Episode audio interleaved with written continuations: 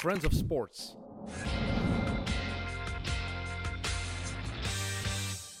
Welkom bij een nieuwe aflevering van Mit zonder Dennis deze week, want die is deze week druk in de weer met de opnames van de nieuwe X voor de start van het NBA-seizoen. Dat is dus voor later deze week hier bij Friends of Sports. We doen het met de gasten van vandaag in de zetel Evert Winkelmans en uh, Koen Frans. Mannen, opnieuw geen Steven de Voer deze week, maar om het goed te maken, we geven een gehandtekend shirt weg via onze sociale media. Dat is toch een mooie geste, Evert. En wat moeten ze dan raden? Moeten ze dan raden de datum waarop Steven hier wel zal zitten? Ik denk lijkt dat dat leuke uitdaging. 2023 wordt of zo, na zijn eerste doelpunt voor KV Mechelen. Oeh, shots fired voor dit weekend, want dit weekend is het. Eh, Mechelen-Antwerp. Hij kan altijd een eigen doelpunt scoren, hè? Dan zullen, kan wij, ook nog dan zullen wij heel blij zijn bij Mechelen. Maar als hij de winning goal maakt, is hij dan nog welkom hier? Altijd. Altijd. Hij is een kind, een kind van Mechelen. Oké, Steven, je hoort het volgende week natuurlijk eh, meer dan welkom. Jullie kennen het principe, mannen. Eh, vier topics waar we jullie op loslaten, een achttal minuten. En jullie krijgen één keer de kans om de klok te overroelen. Evert, er is een nieuwe klok. Mag ik al beginnen? Je mag al beginnen. Ik ben de klokman. Absoluut. Eerste topic waar we het jammer genoeg over Hoppa. moeten hebben, dat, is, eh, dat zijn de gebeurtenissen van gisteravond. Racisme van de vuilste soort tijdens Bulgarije-Engeland. Koen, het was zelden gezien. Ja, nazi-groeten eh, in, in het publiek. Eh, elke keer als een zwarte speler van Engeland de bal raakte, was het, eh, waren het geluiden. Die spelers reageerden er natuurlijk op, liggen het spel stil. Ik denk dat het nu wel eens tijd is dat de UEFA met een gepaste straf komt.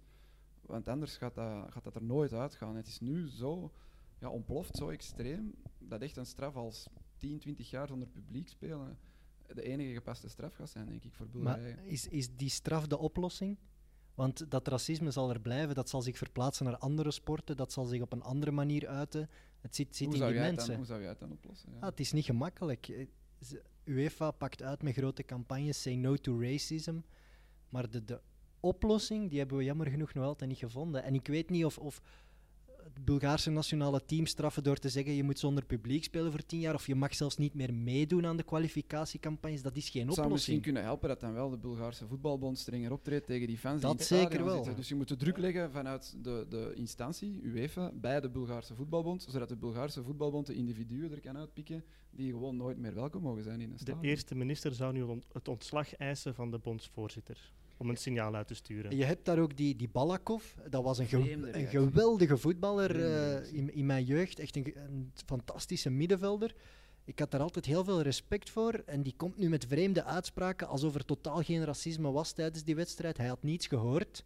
Het, het is juist omgekeerd. eh, de Engelsen zouden zich meer schuldig maken aan racisme in hun eigen competitie. Maar als je die beelden zag, Dat dan, is eigenlijk hallucinant. hè. maar dan ben je Ja. toch gek dan, dan als, als bondscoach. Dat je dat niet meer durft, dat betekent dat die mensen daar ook enorm onder druk staan hè, om te zwijgen. Hè. Wat ik wel vind, Harry Kane had vooraf gezegd, we gaan van het veld stappen als het zou gebeuren. Het gebeurt dan niet, gaan wel een paar keer praten met de arbitrage en weet ik veel.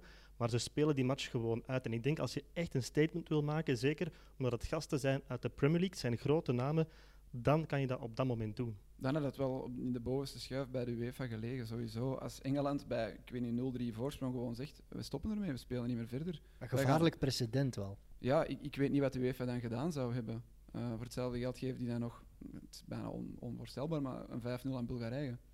Stel je voor. Het is een probleem dat we als samenleving zullen moeten tackelen. En dat klinkt klef, dat klinkt cliché, maar het is wel zo. Het voetbal is gewoon een uiting van het probleem. Eh, voetbal is de meest toegankelijke sport, is de meest open sport, komen de meeste mensen naar kijken. Dus daar komt het ook het eerste naar voren. In Oost-Europa is er een groot probleem met racisme. Maar bij ons op de velden zie je het ook nog altijd. Gelukkig in veel kleinere groeperingen en kleinere maten. Maar wij hebben ook nog altijd veel racisme in de tribunes en op het veld. Dus ja, het zit. Ja, zijn wij dan toch naïef om te zeggen, hier zou het dan niet gebeuren? Want uiteindelijk, die doelman zegt hetzelfde. Hè? Het, is, het is meer een probleem in Engeland. Ik ben het niet gewoon van hier in Bulgarije. Ja, tuurlijk. Ik denk dat alle landen eh naar moeten naar gaan kijken. Dit was een extreem, die Hitlergroeten en zo. Gelukkig zie ik dat niet zo snel gebeuren in België. Maar eh, een vuile neger en spleetoog, dat heb ik wel al horen vallen in de tribunes. En dat is Dat hoor ik ook zelfs in erg. de, in de wedstrijden van, van, van mijn eigen ploeg. Soms tegenstanders ehm, waar ik tegen speel, die tegen een zwarte ploegmaat van mij iets zeggen van... eh, doe, dat, doe dat in Afrika en zo. Dus, dus het Is zit dat overal, kost? het zit op alle niveaus. Ja, nee, dan, als dan een scheidsrechter zegt die er alleen voor staat, ik heb niks gehoord, ja, dan, dan stopt het. Hè. Daar stopt het dan. Hè. En als die ploegmaat van die speler dan ook niks zeggen, ja, Dus bottom line, je kunt er eigenlijk niet veel aan doen. Het is een maatschappelijk probleem, zegt Ja, de mindset moet veranderen. Ja. Wij, wij allemaal moeten er iets aan doen. De sociale controle moet veel groter worden, denk ik. Denk dat dan het begin van de oplossing kan zijn. Dat je telkens, als het gebeurt, die mensen er ook op aanspreekt. Je moet dat ze zich alleen voelen. eigenlijk, wilde Dat ze, zeggen. ja, dat ze zich eenzaam voelen in de maatschappij. Van oei, ben ik nu nog de enige die zo dat ze zich denkt. gemarginaliseerd voelen. Voilà. Dat je echt zegt van dit is echt marginaal. Hè. Wat jullie nu doen, hoe dat jullie jullie nu gedragen, dat kan niet. Dat is gewoon belachelijk marginaal, simpel, eh, weet ik veel. Je moet die mensen echt ja, stigmatiseren Ja. eigenlijk. Hè. Ik heb altijd een beetje een dubbel gevoel als het gaat over racisme. Langs de ene kant denk ik, we moeten het erover over hebben, want het is heel belangrijk. Maar langs de andere kant heb ik ook zoiets van, die losers mogen geen aandacht krijgen. Ja, maar dit was nu zo extreem. Ja. Ja, en het, het zijn ook altijd... Ah, dit gaat de wereld rond, hè. Dit is gewoon nieuws. Ja, maar binnen een paar dagen is dat weer al vergeten. Hè. Ik bedoel, Sterling heeft het een paar keer meegemaakt in Engeland. Lukaku bij zijn tweede of derde match in Italië had hij al prijs. Altijd dezelfde ploeg trouwens die het daar doet. Ja, hoe, hoe stop je het? Ja, ik weet het niet. Is er nog gevoetbald ook? Ja, er is nog gevoetbald. Engeland won eh, overtuigend met 0-6. We zullen ineens overgaan eh, naar de match. Het is een ploeg, wel denk ik, Koen, die blijft groeien, wordt al maar sterker. En misschien wel eens een kanshebber op de eindzege op, op het EK. We waren er juist even over bezig van welke, welke ploegen in Europa maken indruk. Ja, de Rode Duivels sowieso. En de enige andere ploeg die echt indruk maakt, ondanks dat ze verloren hebben in Tsjechië eh, onlangs, is Engeland. Die hebben echt de toekomst, denk ik. Die hebben een, een goede een goede bondscoach, een goede filosofie. Die gasten komen met, met goesting, met passie. Eh, er is nog veel groeipotentieel. Misschien is dit toernooi nog iets te vroeg, maar ik, ik, had ook, ik had ze ook nooit verwacht in de kleine finale op het WK. En daar stonden ze ook al. En er zijn nog talenten bijgekomen. Dus Het is een parcours die misschien een klein beetje doet denken aan dat van België. Met dan een degelijk resultaat op een toernooi, dan moet dan bevestiging komen op een ander toernooi. Maar ik denk dat, ik denk dat ze in de breedte misschien over meer weelde beschikken dan de Belgen. In het begin was onze kern van topspelers vrij beperkt. En als er binnen x aantal jaren een aantal stoppen, gaat dat ook terug beperkt zijn. Bij Engeland blijft dat precies komen. Nu al die gasten van Chelsea, Mason Mount en die Abraham. plots, ja, die plots eh, indruk maken in de Premier League en ook hun, hun plek gaan opeisen bij de nationale ploeg. En dan een paar gevestigde waarden, à la Kane, Sterling, ook nog altijd een jonge gast. Maar het zijn al mannen die in de tijd meedraaien, die het klappen van de zweep kennen. Dus de mix zit daar wel goed, denk ik. Ze hebben ook op alle jeugdtoernooien eh, de laatste vijf, zes jaar waanzinnige prestaties Ja. neergezet. Dus dat succes komt niet van nergens. Ja, je ziet het gewoon in de Premier League spelen. Plots heel veel spelers onder de 1, 22 jaar die wel het topniveau halen. Waar je dat vijf jaar geleden niet had. Daar kochten al de grote topploegen allemaal buitenlanders. Nu zie je veel meer Engelsen doorbreken. En dat is een goed teken. Hoe het komt, ik weet het eigenlijk niet. Hebben ze ergens hun beleid veranderd? Tien jaar geleden, vijftien jaar geleden. Maar plots hebben ze een weelde. Ja, en ik zie ze samen met een Frankrijk en een Nederland eh, tot topfavorieten voor de komende Misschien de gidsstanden voor de komende jaar. jaren. Ja. Maar bij, bij Chelsea is het louter toevallig door die transferban dat ze een paar uitgeleende spelers terug zijn gaan halen die een jaartje of twee jaar hebben kunnen rijpen in de Championship en die nu plots dat niveau in de Premier League oppikken en er gewoon bovenuit steken. Dat hadden ze denk ik zelf ook niet verwacht. En wat ik heel graag zie, Engelsen die toch over het water het eens gaan proberen. Trippier. Gelijk een Sancho, gelijk een Trippier. Ja. Dat is goed voor het Engelse voetbal, dat die jongens ook daar een basisplaats kunnen ah, afdwingen. Vroeger had je Lineker of Keegan, dat waren uitzonderingen. Beckham ook nog. Nu gaan de jonge, de jonge gasten het proberen in het buitenland en die leren daar heel veel bij. Het is de laatste minuut, dus nog misschien één vraag. Noem eens de vier halve finalisten volgend jaar voor het EK. Ja, ik geloof heel erg in Nederland. Ik denk dat Frankrijk er ook sowieso zal bij zijn. België gaat er ook sowieso bij zijn. En dan ga ik voor een eh, outsider eh, Polen. Koen? Ik, België, Frankrijk, ik denk Duitsland. En eh, ik ga nog voor een, voor een, nog een viezere outsider. Oekraïne. Ja, Oekraïne, Oekraïne. ja. Laatste, hè, gewonnen van Portugal. Hè, dus goede ploeg, denk ik. Met Sheva. Jaremchuk, Malinowski. Ja, ja. Dus een toffe ploeg voor ons. nog. Maar heel veel grote landen die dus dan ze niet zullen halen en zullen teleurstellen. Ik denk heb maar aan Portugal. altijd. Dat heb je altijd. Portugal schat ik eigenlijk heel hoog in. Maar ja, ik denk toch dat die andere ploegen die maar kunnen ook blijft sterker toernooi. zijn. Het is niet altijd de beste ploeg die wint. Portugal was vorige EK niet de beste ploeg. Ooit. Miljarden is En, ik kan nog zeggen, Griekenland heeft ook eens een EK gewonnen. Dus ja, het blijft een toernooi. Nee, Oké, maar dan gaan we meteen door naar het eh, volgende onderwerp, wat eigenlijk naadloos aansluit eh, bij het EK. Eh, de Rode Duivels, deze week eh, twee keer in actie gekomen. Het is nog even oefenen met de klok. Nog eens duw. Hebben we daar deze week van wakker gelegen, Koen, van de Rode Duivels? Ja, ik persoonlijk niet. Ik moest donderdagavond eh, gaan trainen en zondagnamiddag heb ik wedstrijd. Dus ik heb alleen de samenvatting gezien. Wat Zoveel doe jij hier dan? nog- Ja, want het is gewoon, doordat we zo'n weelde hebben, kijk je niet meer naar een, thu- een thuismatch tegen San Marino, dat ik misschien zelfs vroeger zoiets van gehad, ja, als je die niet hebt gezien, ook al testen ze daar eens een Van Aken of zo, je hebt eigenlijk niks gemist. De uitmatch in Kazachstan, ja, ik, heb in de samenvatting gezien dat het, dat, het, dat het goed was, ja, dat een paar jongens hun kans hebben ge- gekregen en gegrepen. Batshuayi heeft gescoord, praat een assist. Maar verder, ja, ik ga het even opnoemen, want het is echt een fantastische week geweest. Als eerste land zeker van het TK. Als enige land in Europa 24 op 24. Nog altijd nummer 1 van de wereld. Nog altijd maar één goal tegen in de hele campagne. Een evenaring van het record tegen San Marino. Een match om snel te vergeten tegen Kazachstan dan. We vinden het eigenlijk even te vanzelfsprekend. Maar je speelt tegen de lammen en de blinden, hè? dat is het probleem. Ja, maar dat hebben die andere landen ook. Hè. Ja, dus heel die, Spanje speelt ook tegen Malta. En zo, heel die en- kwalificatiecampagne voor een toernooi dat ze voor mij verpest hebben door te veel ploegen toe te laten, waardoor er ook te veel ploegen zich gaan kwalificeren, is heel die kwalificatiecampagne herleid tot, tot niets. Maar ik geniet er wel van. Want je moet elke keer beseffen dat dit eindig is, dit gaat stoppen. Ja. Eh, ik ben nu 34 geworden. Mijn jeugd was een, was een jeugd van gemiste toernooien, van dramatische grimmige jaren aaneenschakeling 2000. van teleurstelling. van ja. heel slechte ploegen. Dat lag niet aan de voetballers, dat, dat lag gewoon aan het aanwezige talent. En dus moeten we er nu van genieten dat we dit hebben. Allee, het is gewoon fantastisch. De, de spelvreugde die ze hadden tegen San Marino, daar moeten we toch van kunnen genieten. Ook al is het een wedstrijd om niets. Want Ja, ja, Het is wel zalig om die gasten echt te zien meeleven. Die tiende goal willen ze zien vallen. Oké, die goal viel dan wel niet, maar die spelvreugde inderdaad, dat spat er vanaf. Hè. en ze zijn zo stabiel. Hebben we dat al eens meegemaakt als Belgische ploeg? Ze doen gewoon wat wij verwachten. Want je kunt dan wel zeggen, ze spelen een slechte match in Kazachstan, maar als ze daar eh, op basis van de kansen die ik heb gezien, kunnen ze ook gewoon 0-5 winnen. En 0-5 op Kazachstan, dat is Het zijn een match om snel te vergeten, dat is een nuance. Maar wat denk je van die, van die gasten gelijk een Lukaku en een Hazard en je komt dan 0-2 voor op Kazachstan, dan denk je toch alleen maar aan die vlucht naar huis. Hazard denkt nog aan een Rabona en nog aan een Ah, dus ik begrijp dat perfect. Je moet die jongens gewoon, we hebben die match gewonnen, laat die nu terug naar hun clubs gaan en laat ons als supporter er gewoon van genieten. We zijn weer bij de topfavorieten voor het EK. We zijn dit keer denk ik de topfavoriet. En De topfavoriet. Dat moeten we omarmen. En de vraag is, gaan we dat kunnen Waarmaken. waarmaken? Dat is de volgende vraag. Zij hebben deze week daarvan iets wijzer geworden. Nee, in die, in die wed- dat, dat zijn Wat- veredelde oefenwedstrijden, daar word je niet wijzer van. Waar we wel wijzer van worden, is dat ik toch een paar spelers eh, er zie bij komen die wel meteen aantikken op het niveau in de ploeg, zelfs iets sterker kunnen maken. En vooral op de flanken dan, denk ja, ik. daar, Eh, als je ziet een Torgan Hazard, daar geloof ik heel erg in. Dat geeft ons heel veel opties. Ik zie ook een Juri Tielemans in de Premier League hoog niveau halen. Als hij dat bij de Rode Duivels ook gaat doen, dan worden we, krijgen we echt een heel sterk middenveld. En daar ben ik wel heel enthousiast over om zo'n paar spelers er zien bij te komen die Ja, de ploeg ook een paar andere gasten. Hè. Praat heeft zich getoond, Verscharen heeft zich getoond, eh Shadley heeft zich ook Ja, zeker maar kunnen voor tonen. Scharen wordt het te vroeg om spelbepalend te zijn, denk ik. Hij gaat niet mee, denk je? Jawel, hij gaat wel meegaan, maar hij kan niet spelbepalend zijn. Terwijl een Tielemans en een Torgan Hazard gaan heel belangrijk zijn voor Nee, maar hij kan wel meegaan als een soort van eh, verrassingsspeler. Iemand die ze misschien Eh, minder om goed de stil kennen. te leren, om de stil te leren. Dat is zoals ze in Nederland Kelvin Stengs gaan meenemen, gaan wij ook Verscharen meenemen. Ja. Je sprak daarnet over de flank. Dat is geen zwakte voorlopig, want je moet dan wel mensen op die linkerflank zetten die het niet gewend zijn om het daar eh, te doen. dat was een zwakte. Hè. We begonnen op het WK daar met Carrasco, die viel geweldig tegen. Shadley viel in, pakte dan die plek over. Nu zijn er nog een paar andere jongens die ook in aanmerking komen voor die plek. Kastanje speelt vaak rechts, maar kan hij ook links spelen. Je hebt inderdaad Torgan Hazard, die daar eigenlijk al heel goede wedstrijden heeft gespeeld bij de Rode Duivels.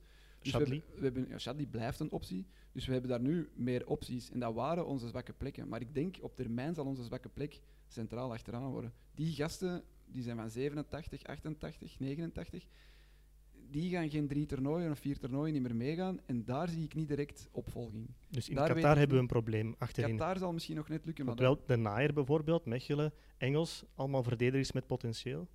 Maar potentieel, ja, maar niet, de naaier, niet hetgeen dat we hebben. Hè. Ja, ook, dat maar zijn- misschien dat wel kunnen dat worden. zijn Hè? geen prille twintigers. Hè. Ik bedoel, Vertongen en Alderweireld, die stonden, die, hoe lang staan die al in de nationale ploeg? Gelijk Brandon Mechelen valt die, dat is toch ook niet niks voor de toekomst. Wat ik ook vragen Zinio bij... van Heusden, ja. dat is er misschien een die op Zinio van termijn Heusden zeker, die ja. defensie zal moeten leiden. Want je ziet het gewoon bij de UE21. Het is gewoon een, terug weer een mindere selectie. Ja, je hebt daar sowieso. Doku, Mangala, daar geloof ik heel hard in. Maar daarna is het, is het zoeken naar een speld in een hooiberg van iemand die het echt aan de top kan waarmaken. En waar ik ook schrik van heb. En toch is Martinez, ik blijf me daar vragen bij stellen. Wij zijn als, als Belgeland heel snel tevreden met hetgeen wat we nu hebben en wat we nu zien. En hij heeft er een systeem in geslepen en het is een zeer aimabele man, maar hij is saai. Hij is heel saai. En ik weet niet of hij de man is die de ploeg net over die drempel kan duwen. Of hij net in die halve finale of een kwartfinale net die ploeg erover kan duwen. Ik voel het niet met die Ik denk mannen. dat die drempel Brazilië was. Hij heeft ons daarover geduwd. Hij heeft ons naar, nee, naar een- nee, want dan naar had hij ons ook voor bij Frankrijk moeten duwen. Ja, maar dat was een wedstrijd die alle kanten... We moeten niet elke keer terugkomen op die wedstrijd. Het is niet dat Frankrijk ons, Frankrijk ons daar heeft weggeblazen. Hè. Het is wel iemand die de druk kan weghouden. Hè. Hij kiest altijd voor het gepaste antwoord. Er, Voor nooit- het er, zal, antwoord. Ja, maar er zal nooit een polemiek zijn onder Martinez. En dat is eigenlijk ook een kwaliteit. Jawel, er zal een polemiek zijn als ze, als ze niets winnen met deze generatie. En dan zal het zijn schuld zijn. En ik weet niet, ik voel het niet. Ik zie, Daar ik kan je zie, hem nu nog niet op Ik afrekenen. zie zie Bond- een ongelofelijke druk op zijn schouders. Ja, Oké, het is maar de dat beste generatie Rode Duivels ooit. ik vind maar dat wij daar, moeten presteren. daar te gemakkelijk mee akkoord zijn met, met die figuur Martinez. Ik hoor nu verlengingen voor, voor heel veel geld. ja, dat, Voordat het toernooi begint, ik ben daar niet mee akkoord. Geef mij een echte, een echte leider Maar voor moet die er groep. geen duidelijkheid zijn over zijn toekomst voor het EK begint? Ik denk dat dat bij Nee. die spelers niet speelt. Die Nee. willen gewoon het toernooi winnen. En wie dat er daar vind daarna dat juist is, heel of dat dat. Martinez blijft of dat is iemand anders. Ik denk niet dat die gasten daarmee bezig zijn. Die Lukaku, Hazard, De Bruyne, die willen gewoon het toernooi winnen. Maar kijk naar een Koeman, kijk naar een Southgate. eh, er zijn nog zoveel voorbeelden. Kijk nu naar een Luis Enrique die het bij Spanje was. Hé, hey, daar staat wat hoor. Maar ik- Doet de Martinez niet mee? Ik, ik, denk, ik denk dat dat niet zo super Maar wat moet hij dan nog belangrijk is, meer doen om dan eh, zichzelf te bewijzen? Meer charisma, meer te vertellen hebben, meer naar dat de heb je dat heb je niet. Dat is Ja, een keuze meer- die de bond maakt zoveel jaren geleden. Met Martinez kies je Ja. voor een bepaalde stijl. Daar moet je de trainer niet op afrekenen. En dan zeg ik nu, ik vrees dat we daarmee geen hoofdprijs zullen winnen. Koen denkt anders. Nee, ik, zeg niet dat we, dat we een toernooi gaan winnen onder Martinez, maar zo'n toernooi dat blijft een dubbeltje op zijn kant. Er zit waarschijnlijk eens een wedstrijd tussen, Ja, zoals tegen Frankrijk, die dat de twee richtingen kan uitgaan. Eh, hoe Ik- vaak heeft er al een, toernooiwinnaar een, dat penalty, bullshit, een eh. penaltyreeks Ik nodig vind, dat Dat is een bullshit. loterij. ik vind dat echt bullshit. Dubbeltje dat op zijn kant, dat loterij, die woorden die hoor ik echt niet graag. maar bij een toernooi is dat wel Nee, dat is niet pertinent waar. waar. Jawel, Dat is niet tuurlijk waar. wel. Als- Tuurlijk wel. Nee. No- Noem mij eens van de laatste toernooien de winnaars. Wie won verdient het toernooi? Ja, Spanje drie keer op rij. Ja, maar ja, dat is ondertussen al een tijd. Ja, oké, Nee, maar... Als je gewoon we hebben hier winnaars Frankrijk, we hebben, we hebben Portugal, het. EK. Frankrijk was ook een verdiende winnaar. Hè. Ze hebben ons geklopt. Duitsland ook een verdiende winnaar. Ja? Frankrijk in de groepsfase op het 2K zien spelen, dat was abominabel. Ik vind dat wel... was super slecht. Allee, ik vind dat je dat te gemakkelijk altijd zegt dat het een... Dat, En dat- Spanje, heeft zo- met penalties ook eh, wedstrijden gewonnen. Eerste match op 2K, toen ze we- wereldkampioen werden, hebben ze verloren. Dus dat, die dat hangt van momentum af. Ze winnen een halve finale met 1-0, één corner, een kopbal. Ja, Oké, Ever krijgt nog het laatste woord. om te Nee, reageren? Daar ga ik niet tegen discussiëren, want ik ben het daar volkomen mee oneens. Waarom? Omdat je als ploeg wel kan afdwingen dat je de beste bent. En ik vind penaltyreeksen geen loterij, dus ik ben het daar allemaal mee oneens. Oké, punt gemaakt. Genoeg dan over de Rode Duivels, want we kunnen het ook eens over 1B hebben. In 1A werd er niet gevoetbald omwille van de interlandbreek, maar dus wel in 1B. En Koen, jij bent nog altijd Beerschot-watcher bij Gazet van Antwerpen. Hoe viel het debuut mee van Hernan Losada als de opvolger van Stijn Vreven bij Beerschot? ja niet goed hè. Eh, als je thuis verliest van Westerlo en het is, het is gewoon verdiend, dan is dat geen te beste debuut, denk ik. Ehm, en ik denk dat er een heel deel supporters of mensen die, die 1B volgen, die dachten dat eh, alle schuld bij Stijn Vreven lag, nu al een beetje zijn teruggekomen van die mening. En gewoon zien dat ja, het blijft een, een lastige reeks. Alle ploegen zijn aan elkaar gewaagd. En een trainerswissel, Hij is aangesteld als trainer ad interim tot het einde van het seizoen. Ja, Dat vind ik wel heel ik denk bizar. dat dat misschien een budgettaire overweging is. Ze hadden een heel grote technische staf. Ze hebben samen met Vreven ook Werner Martens, de conditietrainer, eh, ontslagen. Dus ze zijn van eh 8 naar 6. Die had wel heel snel een, nieuwe club, moet ik zeggen. Vond ik bizar. ja, misschien eh, had hij erop geanticipeerd. eh, ja. die, die, die had al, ik denk dat hij al iets deed bij VVV Venlo voordien. Dus eh, die had dat sowieso achter de hand. Ik vind wel dat Beerschot op dat vlak nog stappen kan zetten zeg maar, in, de, in de communicatie. Het trainer ad interim verhaal, dat is één ding. Maar drie weken geleden verkondigen dat Vreven het seizoen zal uitdoen als trainer.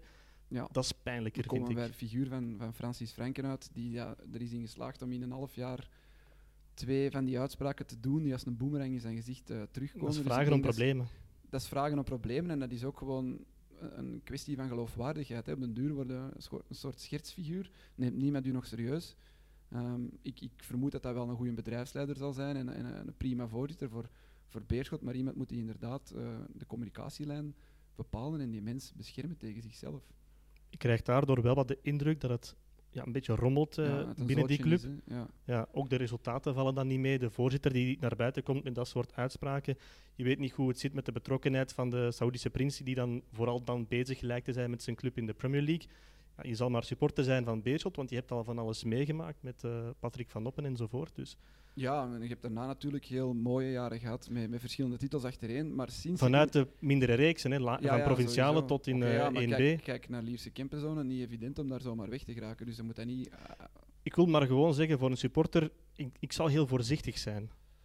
ja, het, het, het is, ze waren er twee keer zo dichtbij. Twee keer in de laatste minuut of de voorlaatste minuut dat ze sportief die promotie door hun neus geboord zien worden. Dat is een mentale klap. En dan dachten ze, Francis Franken op kop met zijn interview met zijn, met zijn glas champagne, we gaan sowieso naar 1A, want KV Mechelen gaat veroordeeld worden. Die klap komt er dan nog eens nadat ze eigenlijk al bezig waren aan een ploeg te timmeren die in 1A zou spelen. Dus budgetair en zo waren ze al eenmaal ingesteld op 1A. En dan komt daar twee of drie weken voor de start van de competitie, bam, 1B. Ze hebben 1B. altijd wel gezegd, het maakt eigenlijk niet uit wat de uitspraak zal zijn. We hebben een Ja. plan A en een plan B. Ja, plan B hebben ze dan toch niet uitgevoerd, want ze hebben gewoon die spelers die ze gehaald hebben voor 1A, die zijn gebleven. Maar de kern was nog niet helemaal, nog, nog niet helemaal af. Er, er mankeren nog verdedigers, er mankeerde nog een aanvaller.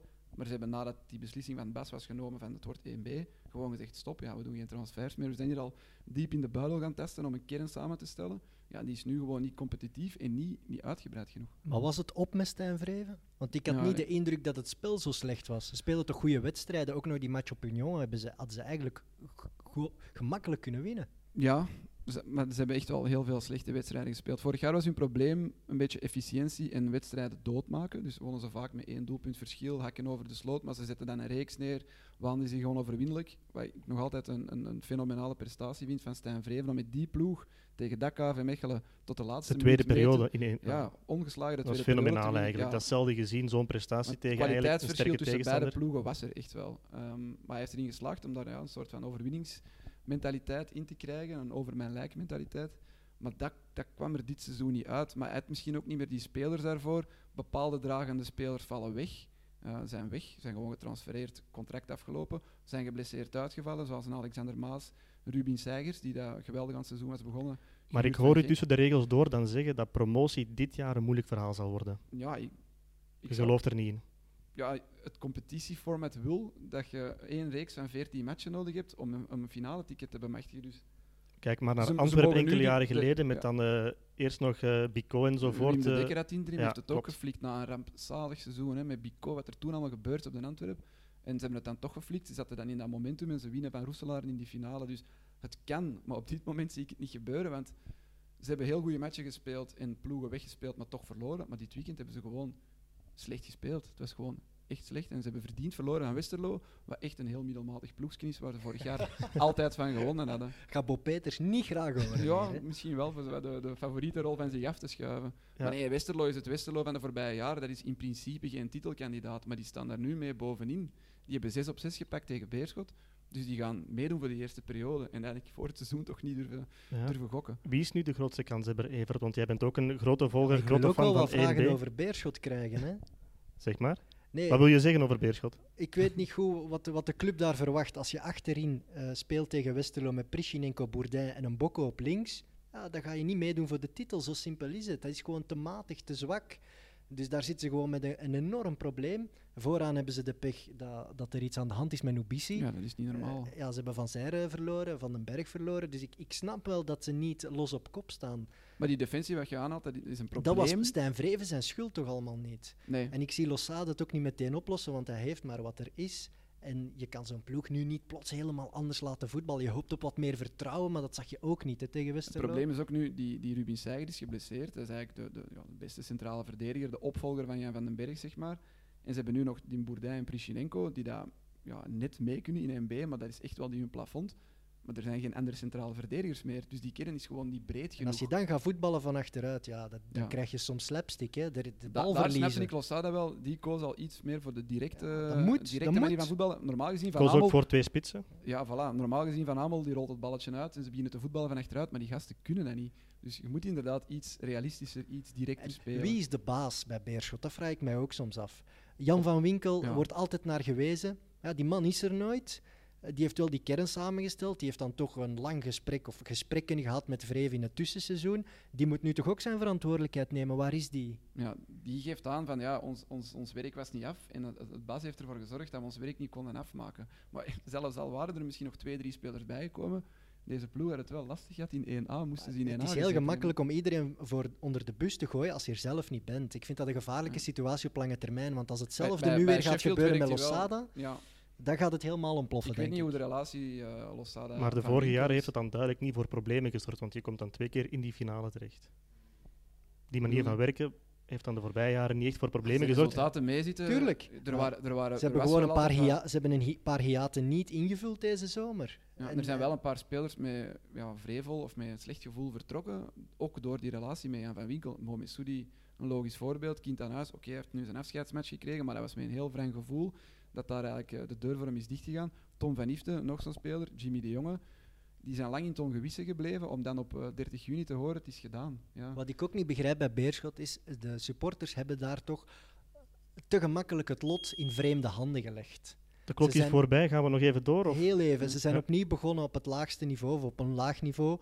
Dankzij de supporters, dankzij de steun van de supporters, hebben ze dat stamnummer kunnen overnemen. Hebben ze daar een mooi verhaal van gemaakt. En vanaf het moment dat het professioneel werd, kwamen daar allerlei illustere figuren bij. En die hebben dan maar beslist om die club te verkopen aan een Saoedi. Dat is een stevige waarschuwing. vind ik zeer gevaarlijk. Oei, Ik, ik zie dat op lange termijn niet goed komen voor Beerschot. Ik hoop van wel, want ik vind een fantastische club die in eerste klasse thuis hoort. Maar die Saoedi, ik vertrouw dat voor geen haar. Bij Sheffield heeft hij wel van Ja. League One naar Premier League. eh, Je praat over de. Premier League, hè. dat is die jongen zijn speeltje. Hè. Beerschot is voor hem totaal onbelangrijk. Ja, maar van Jan van Winkel is Beerschot denk ik niet onbelangrijk. Want En er Sheffield zal is niemand zijn in de toekomst die die club kan overnemen van die Saoedi, want niemand gaat die schulden overnemen van Nee. hem. En Je had in een Belgisch verhaal gebeuren. moeten blijven, in een zie- Vlaams verhaal. Ja, je is bent nu altijd 50-50. afhankelijk van een sterke man. Hè. Ja. Is ook afhankelijk van Louis de Vries. Anderlecht is ook afhankelijk van een Mark Hoeken. Zijn die figuren dan beter dan die Saoedische prins? Dat weet je eigenlijk niet. Dat vind ik wel. Ik denk lokale mensen die een hart hebben voor de club en een hart hebben voor de maatschappij die er rond zit. Maar De wie- de is de altijd een, beter, idee dan een Saoedi, wat dan ook nog eens van een zeer bedenkelijk regime afkomstig is. Oké, dan gaan we het hierbij laten. Dan gaan we door naar eh, het laatste onderwerp. eh, en dat is eh, propere handen. We zijn een jaar verder. Er is al heel veel gezegd en geschreven geweest over dat onderwerp, Evert. En wat is nu daarvan de conclusie? Ik, ik hoop dat het Belgisch voetbal er wel beter van wordt. En dat iedereen zich daar vragen bij stelt of dat het wel zo zal zijn, is heel jammer. Dus dat is toch teken dat we nog niet de juiste stappen hebben gezet. Club Brugge is nu naar buiten gekomen met een soort charme-offensief. Dat was toch wat het nieuws van vorige week. Eén jaar na propere handen wil Club Brugge met elke makelaar waarmee ze zaken doen een contract afsluiten. En know your customer noemen ze dat. Banken doen dat, verzekeringen doen dat. Nu gaan voetbalclubs dat ook doen. En ze Vind hebben ook een heel open goed kaart begin. gespeeld over de contracten, de transfers van deze zomer. Dat is een goed signaal. Vind ik een heel sterk begin. Hmm. Alleen moeten de clubs ook wel even eh, alles van hun hart smijten en zeggen dat zij misschien de grootste instigator zijn geweest van al het kwaad. En dat mis ik een beetje. Een beetje mea culpa van alle clubs. Van, Hand in ja, eigen boezem. ja, dat eerst en dan kan je pas aan een propere lei beginnen, denk ik. Maar bon, het zijn goede stappen, eerste goede stappen. Maar dan bijvoorbeeld dat clearinghouse van de voetbalbond, daar geloof ik helemaal niet in. Dat is een schijnmanoeuvre, want dat kan je perfect omzeilen met stroommannen. Maar Dat zou er dan binnen enkele maanden komen te, Ja. komen te staan. Ja. En één jaar na propere handen, ja, er is heel veel over geschreven en gedaan in de pers. Maar we weten van niets. En dat is wel pijnlijk als pers. Er is niemand in België bezig met degelijke onderzoeksjournalistiek naar propere handen. Een boek geschreven over propere handen, maar jij bleef wat op je honger zitten bij de- het lezen van dat boek. Ik heb dat boek gelezen, maar dat was gewoon een opeensomming van krantenartikels en artikels uit sportvoetbalmagazine. Dus dat, dat stelt mij dan een beetje teleur. Ik zie Jeroen de Nagel eh, heel veel tweeten en schrijven over propere handen. Erik Goens ook. Erik Goens had er ook een uitgesproken mening over. Bart Lagat doet ook zeker Maar het zijn zijn werk allemaal het journalisten, hè? mensen uit Maar de het voetbalwereld. moet meer, het moet beter zijn. We moeten dieper durven graven en we moeten daarop blijven kloppen, blijven hameren. Dat mag niet stilvallen als er weer een wedstrijd is. Want ik wou daar nog op inpikken. Het zijn vooral journalisten die er iets over zeggen, maar mensen uit de voetbalwereld die blijven wel heel stil. Ja, dat vond ik Zelfs de Pro League neemt eigenlijk amper een statement in in dat verhaal. in, de, in, de, in de studio bij Play Sports zaten ze daar met eh, Jeroen de Nagel, Erik Goens en ook Mark de Grijzer en Hein van Hazenbroek. En die zaten er zo wat bij van, ja, en wat moeten wij daarover zeggen? Of wat vinden wij daarvan? Maar ja, Ja, zij kunnen daar net veel over zeggen, zou ja ik maar denken. ze doen het niet. Ze doen het niet. En, en waarom doen ze het niet? Ja, omdat ze zelf misschien boter op hun hoofd hebben, ik weet het niet, maar ze zeggen niks. Evert wees al met de vinger naar de clubs. En ik denk dat daar misschien inderdaad ook nog een probleem zit. Als je iemand als een Moji Bayat nog altijd heel veel verantwoordelijkheid geeft bij dat is- transfers deze Dat is zomer. niet per definitie een Belgisch probleem. hè. Ik bedoel, makelaars zitten bij alle clubs wereldwijd, hebben die gewoon veel te veel macht gekregen. Als je nu ziet wie er op kop staat in, eh, in Portugal, ik heb het u al eens een keer gezegd. De eh, ploeg van Mendes. Ja. Ja. de ploeg van Mendes. Dat is, een, dat is een makelaarsploeg waar ik nog nooit van heb gehoord. Dat is een Portugese variant of equivalent van Moes Kroen.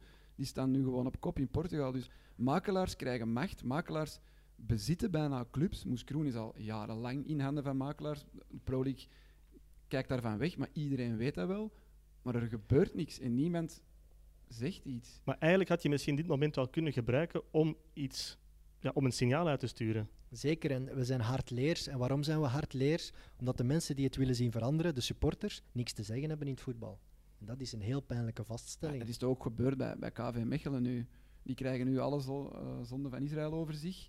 Eh, en terecht, want ik blijf er ook van overtuigd dat daar een, een soort van, ja, op zijn minst, poging tot eh, matchfixing is, is ondernomen. Evert zal, zal het waarschijnlijk wel ontkennen. Ehm, maar ja, die ploeg is wel niet veroordeeld. Hè. het probleem, hè, bijvoorbeeld, uiteindelijk zitten die in eerste klasse. Hè. KV Mechelen is een fantastisch voorbeeld voor alle andere clubs om van te leren wat er kan fout gaan in een club. We hadden Maar het, Na- het gaat fout op die manier bij andere clubs. Na- Mechelen heeft gewoon de pech dat ze gepakt Ja, zijn. wel, maar het is mooi, het komt nu allemaal naar boven. Maar laat ons dan ook de juiste elementen eruit halen en ervan leren. We hadden daar een bestuur van drie mensen, iedereen weet ondertussen welke drie, van de oude signatuur die na de redding zijn gekomen. En die in een VZW-structuur werkten, waar heel veel achter gesloten deuren kon, waar heel veel contracten van onbekend zijn, waar je bijna niets van hoeft te publiceren. En daar is gewoon heel veel misgegaan. En daar is de macht van de makelaars echt echt naar buiten gekomen. Velkovic had echt een grip op die club gekregen. En in de loop der jaren zijn er andere makelaars die daar een grip op hebben gekregen. En dat is rot. En waarom is dat? Ja, er wordt nu gezegd dat al die bestuursleden daar ook aan verdienden. En dan kom je natuurlijk bij de grond van het probleem. Follow the money, hè. In de bestuurskamers, follow the money. Wie verdient er aan een transfer? Wie verdient er aan het feit dat een bepaalde speler mag spelen of niet? Daar wil ik onderzoek naar, want dan kom je bij uitwassen zoals matchfixing. Maar waar- waarom hebben de supporters nooit eerder aan de alarmbel getrokken? Omdat ze het niet wisten? Nee. Is dat puur onwetendheid? Dat is Als je deels... ziet dat gebeuren, deels de Moes Kroen fan ziet dat Ja. toch gebeuren bij zijn club. Dat de is- Lommel fan ziet dat nu gebeuren bij zijn club, want er is hetzelfde aan Maar je moet die zaken hard kunnen maken natuurlijk. Nee, dat, is deels Ja. onwetendheid, maar ook deels zo je m'en foutisme van ja, wat kan ik hier nu aan gaan doen? Ja. Ik heb hier Ja. niks te zeggen En en, als ze niemand winnen en ik heb mijn mij. pintjes gedronken, heb ik een goede En zaterdagavond dat is heel jammer. Dat. Daar zou veel meer organisatie en structuur moeten inkomen. Dat, het, dat, dat er veel meer controle is op zo'n zaak. Ik, ik word er echt kwaad van. Als ik, als ik zie wat er met mijn club, hè, want ik ben een supporter van KV Mechelen, ik steek dat niet weg.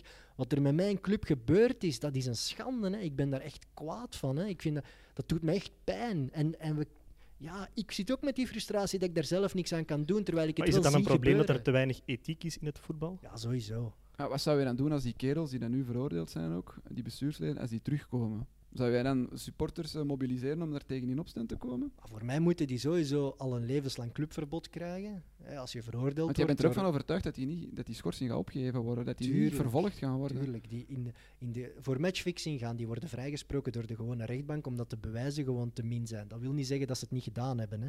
Maar dat, het dossier wat ik nu gezien heb in telefoontaps lijkt me vrij zwak. Dus die mensen die gaan er alles aan doen om hun naam te zuiveren. En dan is de vraag hoe het voetbal daar weer mee gaat omgaan. Hè.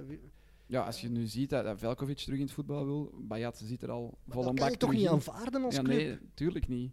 Het feit dat je Mehdi Bayat aanduidt als de voorzitter het eh, van de voetbalbond is eigenlijk ook een gemiste kans. Het gebeurt omdat je zei follow the money. Bayat zorgt ervoor dat Anderlecht van zijn overbodige spelers afgeraakt en er nog een cent aan verdient. Die mannen die dat daar in de bestuurskamer zitten, die kunnen dat zelf niet regelen, dus die bellen naar Bayat. Ja, voilà. En zo blijft dat gaan. En als er geen straffen op komen of er komt geen opstand tegen, dan gaat dat blijven gebeuren. Bestuursleden zetten al vaak de supporters in een verdomhoek. Hè. Zwijgen en luisteren, je abonnement betalen, je pintje betalen en wees al blij dat wij de moeite willen doen om die club te leiden. Fout. Foute ingesteldheid van die clubleiders.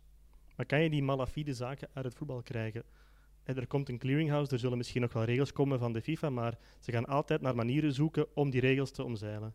Altijd. De, de straffen moeten, moeten zwaarder zijn, denk ik. En er moeten echt eh, verboden komen om nog in het voetbal actief te zijn. Moji Bayat, dat was nu toch de perfecte, perfecte kans om die gewoon een, een, een, een arbeidsverbod op te leggen. Die mocht gewoon niet meer in het voetbal eh, aanwezig zijn. Die, die, die zaak is nog niet eens afgerond. Er, eh, het gonst nog van de geruchten en wat gaat er nog allemaal volgen en dit en dat. En die doet gewoon voort alsof er niks gebeurd is. Want we zeiden wel ethiek, maar ethiek is mooi, maar centen zijn zoveel mooier. Hè. Michael Verschuren zei nog vorig seizoen met Bayat samenwerken liever niet. Maar deze zomer, ja, we hebben wel eh, beter geleerd. Ja, en het, eh, waar, wat, wat wou ik nu eigenlijk zeggen? Het opvallende is dat die managers gewoon terug op de eerste rij zitten en die spelers allerlei steunacties doen voor hun eigen makelaars. En dan ja, het is gewoon super frustrerend om naar te kijken. Ik, ik wil er niet depressief van worden, maar Geniet je nog van het voetbal? ik, Oh, het is veranderd. Ik geniet van, van mijn club en het er te zijn en het samen zijn met mijn vrienden en zo. Maar wat er op het veld gebeurt, interesseert me steeds minder. En als er weer zo'n obscure Balkanjongen neerstrijkt eh, achter de kazerne, dan, dan denk je... Ik weet terug wat ik wou zeggen. De geldstromen die in het Belgisch voetbal komen, ja, sorry, het is weer fuck de klok, die in het Belgisch voetbal komen, daar is te weinig controle op. We hebben nu Lommel en Westerlo die gewoon te grabbel worden gegooid aan malafide mensen. Sorry, ik smijt ze allemaal al over één boek, ook al ken ik ze nog niet persoonlijk. Maar een Israëlische zakenpartner van Zahavi koopt Lommel over en een, en een Turkse eh legeruniformenmaker die beste vriendjes is met Erdogan, die neemt Westerlo over. Maar die supporters die mogen dat niet pieken. Die ja, maar die moeten reageren stoppen. niet, hè. Die Ja. moeten stoppen met te gaan kijken. Die moeten wegblijven bij Dat gaat club en zeggen. Ben Dat je gek? Mijn Oké. Westerlo in, in, in handen van een of andere Turkse vriend van Erdogan. Ben je gek? Misschien ter ook niet afronding. gestopt met naar KV Mechelen te gaan kijken toen Velkovic daar de touwtjes in handen had. Dan bleef jij toch ook supporter aan KV Eh, Mechelen? Daar was ik hyper naïef. Ik had dat moeten inzien. Ja, echt waar. Nee, Nu zijn we dat is waar. Ik was daar zeer naïef. Ja, misschien ter afronding. Wat verwachten we nog dit seizoen van dat onderzoek? Veel. Ik hoop dat er veel naar buiten gaat komen. Veel mest, veel telefoontaps, veel mails. Laat alles maar naar buiten komen. Verwacht je dat of hoop je dat? Dat is een verschil. Ik verwacht dat ook. Het parket gaat daar niet mee lachen. Ik verwacht daar heel, heel weinig van eigenlijk. Geen ploegen die zich zorgen moeten maken, denk je. Individuen misschien wel, voor een, voor een boete links en rechts, maar, maar meer verwacht ik daar eigenlijk niet van. Oké, we zullen zien volgend jaar als we er terug over praten. Dan is het Ja. twee jaar proper handen. dat wordt leuk. ja. Eh, goed, om af te ronden gaan we nog een eh, rondje blessuretijd doen. Een paar losse topics die we vandaag nog niet hebben besproken, waar jullie kort op eh, kunnen reageren. Eerste stelling, houdt Stork Cercle Brugge in eerste klasse. Ehm, ja. En waarom? Omdat hij een goede trainer is. En ik dacht eigenlijk in het begin van het seizoen dat Cirkel eigenlijk een vrij goede kern had. Ik had die zelfs getipt als outsider. maar die staan er helemaal onderaan. Dus ik, ik vind dat daar wel kwaliteit in die kern zit. Het komt er gewoon niet uit. Dus ik denk dat die er wel gaan in blijven. Ze hebben Sadi. Memphis Depay, gek of geniaal? Ehm, Eerder gek, vind ik. ja, geniaal is hij niet. Het is eh, de bovenkant van de middenmoot, dus hij is gek. Ja, Moet Anderlecht Shadley kopen? Nee, nee. Waarom niet? dat is die investering echt niet meer waard. Te oud. Moet Ansu Fati starten in de Classico volgende week? Mm, ja. Ja, Dat is ja het, het beste trio dat je nu kunt opstellen bij Barcelona voorin is eh, Suarez, Messi, Ansu, Ansu Fati. Pijnlijk voor Griezmann. Van der Vaart speelde gisteren zijn testimonial. Was hij altijd underrated of overrated? Oeh, dat is moeilijk. Dat is ja. een hele moeilijke, Ja. vind ik. Hij heeft, hij heeft momenten gehad dat hij echt underrated was. Bij Tottenham was hij een paar jaar echt extreem goed. Maar hij heeft ook wel momenten gehad dat hij gewoon nog teerde op zijn naam en eigenlijk overrated was. Dus allebei. Ik denk meer, meer underrated, maar dat lag ook aan hemzelf. Ronaldo maakte zijn 700ste goal in zijn carrière met eh, Portugal. Haalt hij nog de 750? Ja. Zeker? Ja. Hoe oud is hij nu? 35, Hij haalt denk de ik? 800 Dus ook nog. 34, denk ik. Ja, die gaat denk ik inderdaad ook nog de 800 halen. Ik denk dat hij dan nog een paar legendes voorbij gaat. Want ik had een lijstje zien voorbij komen, zo de Geert Mulders en zo, gaat hij nog over gaan, overspringen. Serge Gnabry is op dit moment de beste aanvaller in Europa. Nee. Nee. Waarom niet? Het is toch de hype van het moment. Messi is er ook nog altijd. Hij is geblesseerd geweest, hè? Dus, kunt- dus ik heb het over op dit moment. Messi op, één been, Messi op één been is beter, denk ik. Lewandowski. Lewandowski schiet ze nu ook wel met de ogen dicht binnen. Is de transfer van Benito Raman een miskoop voor Schalke? Dat is te vroeg om te zeggen. Waarom? Omdat Schalke verwacht te veel. Hè. Schalke, ja, die hopen toch nog altijd aan te pikken bij die, bij die top 2. En spelers als Raman halen dat niveau niet. Ik denk dat hij nog wel zijn doelpunten gaat maken dit seizoen voor, eh, voor Schalke. Het zal moeten bereiken. Moet Dries Mertens bijtekenen bij Napoli? Ja, je, hele, allee, je carrière afsluiten in Napoli, ik denk dat er niet veel mooier is dan dat. Hij heeft ook nog een paar records te breken daar. Hè. Dus, eh, en hij is daar zo geliefd. Kan Hij is daar zo aller graag. tijden worden. Wat een leven leidt die jongen. Ja. Hey, Maar als wat ik op een van die mannen jaloers ben, is hij het wel. Wat moet hij doen? Nog een jaar komen uitbollen bij Anderlicht? Nee, laat hij maar gewoon zijn carrière afsluiten eh, in Italië. En dan nog La Pregunta de Gamon. Wat wordt de volgende podcast van Friends of Sports? Mogen we daar al iets van zeggen, Evert? Ja, we gaan proberen toch eh, elke twee weken een uurtje over voetbalromantiek en voetbalnostalgie te babbelen. Dat is eigenlijk de bedoeling van een podcast die nu nog volop in ontwikkeling is. Dus ja, ik weet, de mensen zitten daarop te wachten. dus we moeten nog even, even afwachten, maar het wordt leuk, want we gaan het niet over Actua hebben. We gaan het gewoon over dingen uit het verleden hebben en dingen waar je, mee, waar je over in café praat met je vrienden. Oké, dat is dan voor eh, binnenkort. Dan laten we het hierbij voor vandaag. Niet vergeten, deze week de eerste afleveringen van X en O's. Donderdag en vrijdag ook al meteen de tweede over de East en de Western Conference eh, in de NBA.